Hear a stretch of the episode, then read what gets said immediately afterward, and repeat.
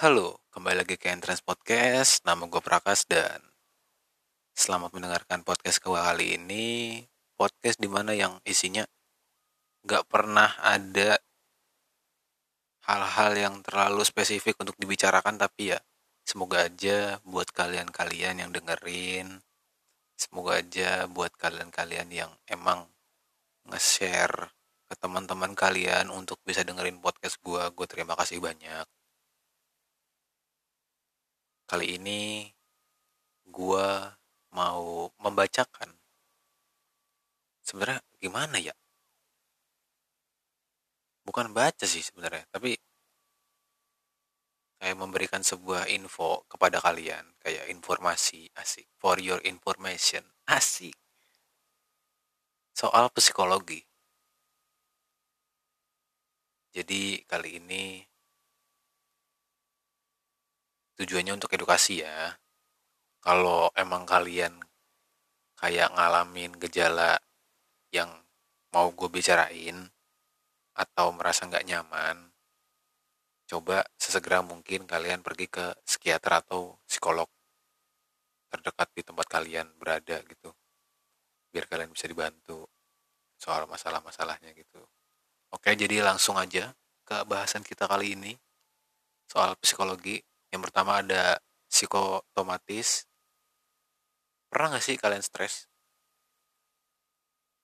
Entah karena tugas sekolah, hubungan asmara, atau mungkin urusan kerjaan? Pasti pernah dong. Mungkin untuk kalian yang dengerin podcast gue, yang pernah mengalami stres secara berlebih, terus tiba-tiba sakit. Kayak entah mungkin kepalanya pusing atau mual-mual atau berbagai macam hal lainnya. Nah itu bisa disebut dengan psikotomatis. Psikotomatis tuh bisa diartikan dengan kayak gini misalnya kayak di mana stres kalian bisa berubah menjadi penyakit yang kalian alami gitu penyakit fisik. Kadang kayak bahasa-bahasa ini dipakai buat nyatain keluhan penyakit. Akibat beban psikis beban beban diri lu atau mental. Nah jadi buat orang-orang yang punya gangguan psikotomatis penyebab penyakit fisiknya pasti dipengaruhi dari sisi mental. Karena dari diri karena dari dalam diri kalian dulu baru kelihatan penyakitnya di mana kayak entah kepala kalian pusing tadi gue sebutin di atas.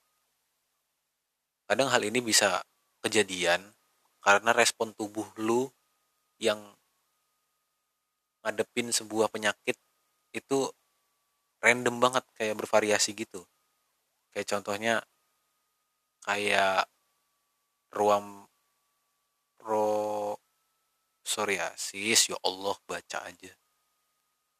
Ini gue sambil baca nggak sepenuhnya cerita gue gue nyari-nyari referensi dikit. Iya elah tapi buat orang-orang lain penyakit ini malah kadang bisa bikin mereka jadi tertekan ketekan jadi kepresur diri mereka.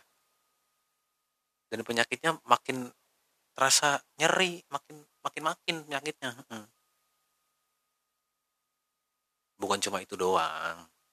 Kadang penyakit mental yang dipengaruhi dari fisik-fisik lu kayak misalnya ada orang yang emang depresi mungkin dia juga emang males makan terus kayak males mandi atau emang susah buat tidur insomnia atau males buat beraktivitas kayak misalnya melakukan pekerjaan rumah atau jogging kayak melakukan hal-hal kecil itu udah males. Nah akibatnya ini ujung-ujungnya berbagai macam penyakit fisik bisa gampang untuk nyerang elu. Beberapa penyakit juga kadang bisa datang dari faktor mental. Kayak terlalu stres dan terlalu cemas gitu bisa misalnya nih kayak hipertensi darah tinggi terus sakit di perut mah atau penyakit jantung. Nah kadang orang-orang yang ngeluh sakit itu nggak selalu sesuai dengan gejalanya. Nah contoh tadi termasuk juga tuh ke dalam gangguan psikotomatis. Nah, terus gimana nih pikiran kita bisa mempengaruhi kesehatan tubuh kita? Misalnya gini, eh, ketika lu lagi kayak takut banget atau cemas banget yang berlebih, biasanya nih umumnya bakal muncul bakal munculin tanda-tanda kayak jantung berdebar kayak jant, uh, degup jantung lu tuh terasa kenceng banget gitu kayak kayak orang panik. Wow. detakan jantungnya terasa getar banget. Nah itu biasanya disebut dengan palpitasi. Denyut jantung semakin cepat juga itu termasuk tadi kayak di awal. Terus kayak mual enak-enak gitu pengen muntah. Tremor getar-getar tangan lo ya kan. Keringetan yang segede-gede jagung gitu. Bisa mulut tuh kering. Wah macam-macam deh nah dari dari berbagai macam gejala fisik yang gue sebutin tadi itu muncul karena eh, terlalu berlebihan aktivitas im aduh gimana jelasinnya ya? Kayak eh, aktivitas impuls lu tuh meningkat dari saraf ke otak. Terus lu disebarin ke seluruh tubuh lu. Nah jadi karena pelepasan hormon adrenalin atau yang dalam bahasa ilmiahnya bukan bahasa ilmiah bahasa kedokterannya itu epiner, epinefrin itu juga bisa nyebabin gejala fisik yang tadi gue sebutin tadi kayak penyakit-penyakit bukan penyakit kayak gejala-gejala yang gue sebut tadi. Nah selain yang tadi gue sebutin ada juga beberapa bukti yang emang mengatakan ada yang bilang kalau otak bisa aja uh, mempengaruhi sel-sel tertentu dari sistem kekebalan tubuh. Itu juga terlibat dalam berbagai penyakit fisik, udah pasti banyak. Nah sebenarnya sampai sekarang orang-orang yang jago nih, yang emang ahli, juga masih belum tahu bagaimana si pikiran kita ini memu memunculkan kayak gejala-gejala fisik atau penyakit-penyakit fisik gitu yang tadi gue sebutin. Tapi walaupun begitu, yang orang-orang jago nih yang para ahli yakin kalau stres udah pasti bakal ngerusak kesehatan juga secara fisik. Nanti juga akhirnya karena lu terlalu stres banget nih jadinya berbagai macam hal bisa kayak lakuin gitu.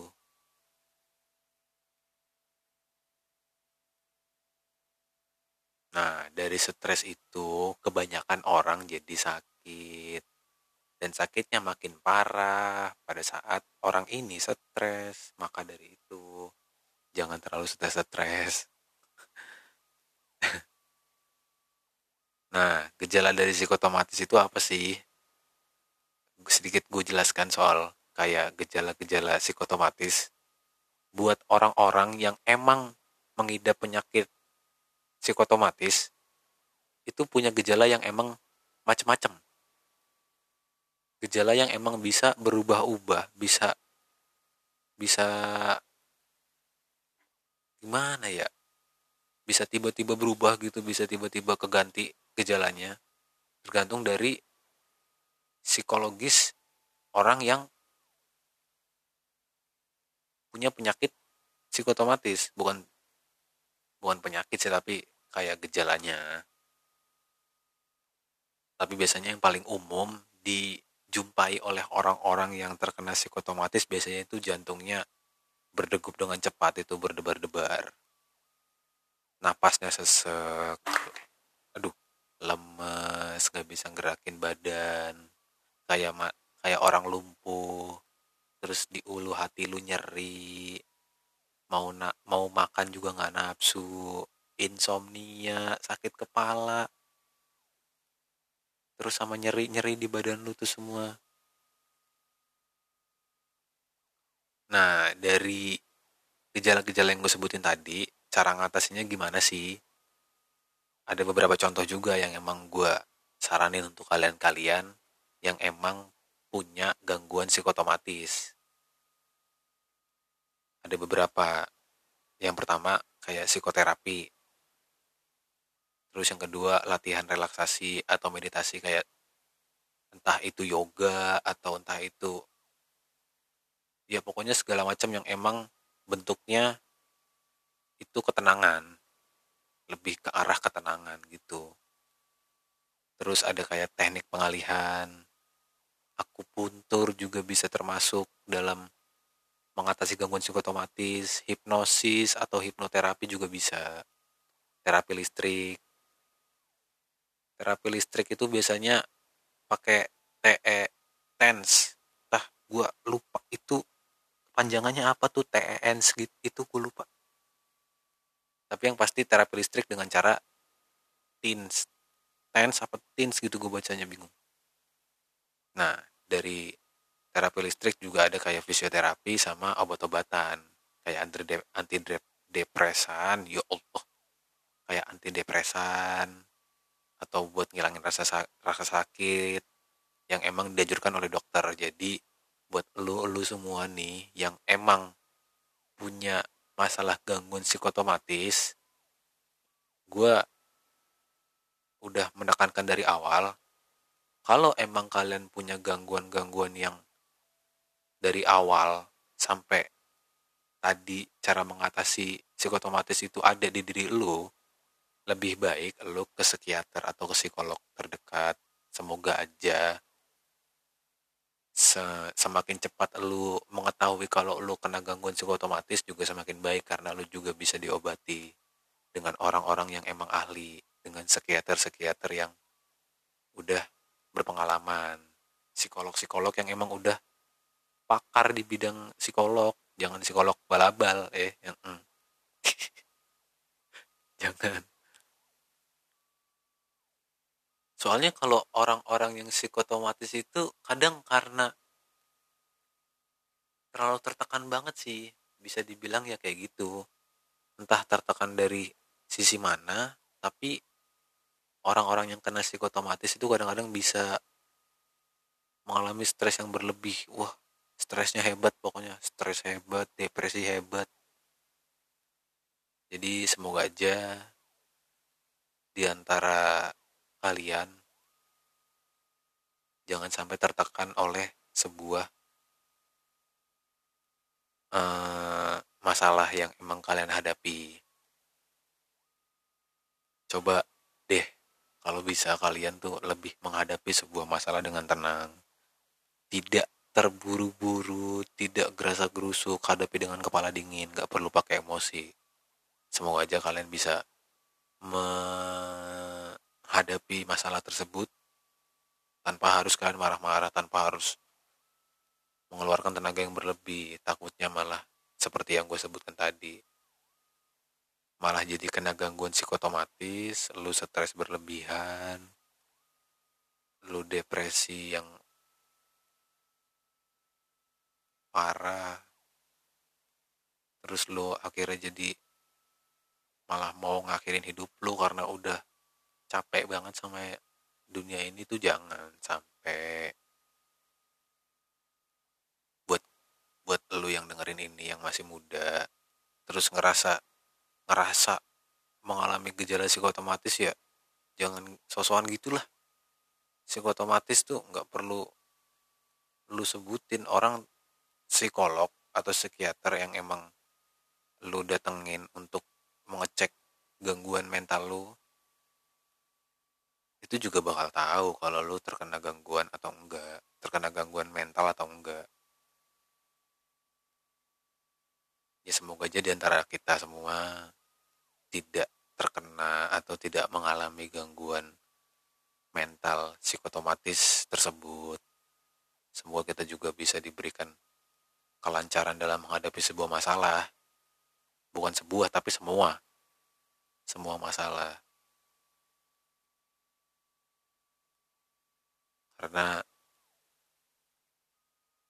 lebih enak dong kalau menyelesaikan masalah dengan kepala tenang, dengan kepala dingin. Akhirnya juga kita bakal bisa berpikir dengan jernih kalau memang kita menerapkan hal-hal seperti itu kayak dari hal kecil dulu deh kayak yang gue bilang tadi menghadapi masalah dengan kepala dingin itu bakalan bekerja dengan cepat men kalau lu ngadepin masalah dengan kepala dingin tuh malah lebih cepat temu solusinya.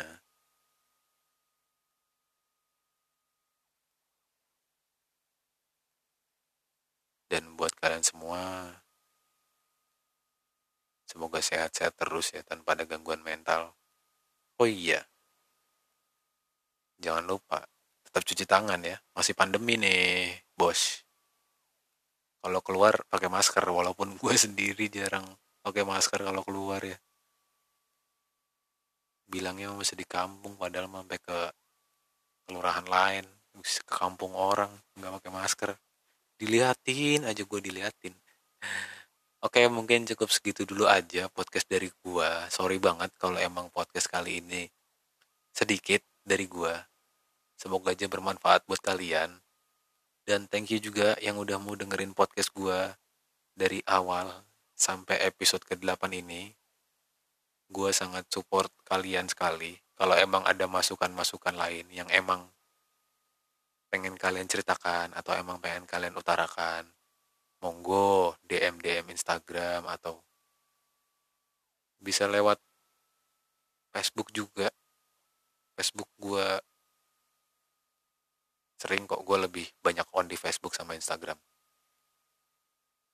kalau Instagram gue kalau mau di follow ya di follow at eh at lagi. Ya bener at prakasyo prakas underscore y. Iya. jadi promosi lur. Mm terus Facebook gue Prakasya Utama nah di situ gue banyak sering on. Gue on sosmednya di situ. Dan gue nyebar nyebar podcast gue juga ke sana. Jadi sekali lagi makasih banyak nih yang mau dengerin podcast gue kali ini. Walaupun agak random bahasanya tapi ini cukup penting untuk kalian dengarkan karena ini masalah gangguan yang emang sering diderita oleh orang-orang yang terlalu banyak tekanan di hidupnya. Semoga aja bisa relax dengerin ini dan jangan dengerin podcast gue dulu sih kalau emang lu ngalamin gejala psikotomatis. Langsung ke psikiater aja atau nggak ke psikolog jangan dengerin podcast gue dulu. Oke. Terima kasih udah mau dengerin entrance podcast kali ini. Nama gue Prakas dan thank you.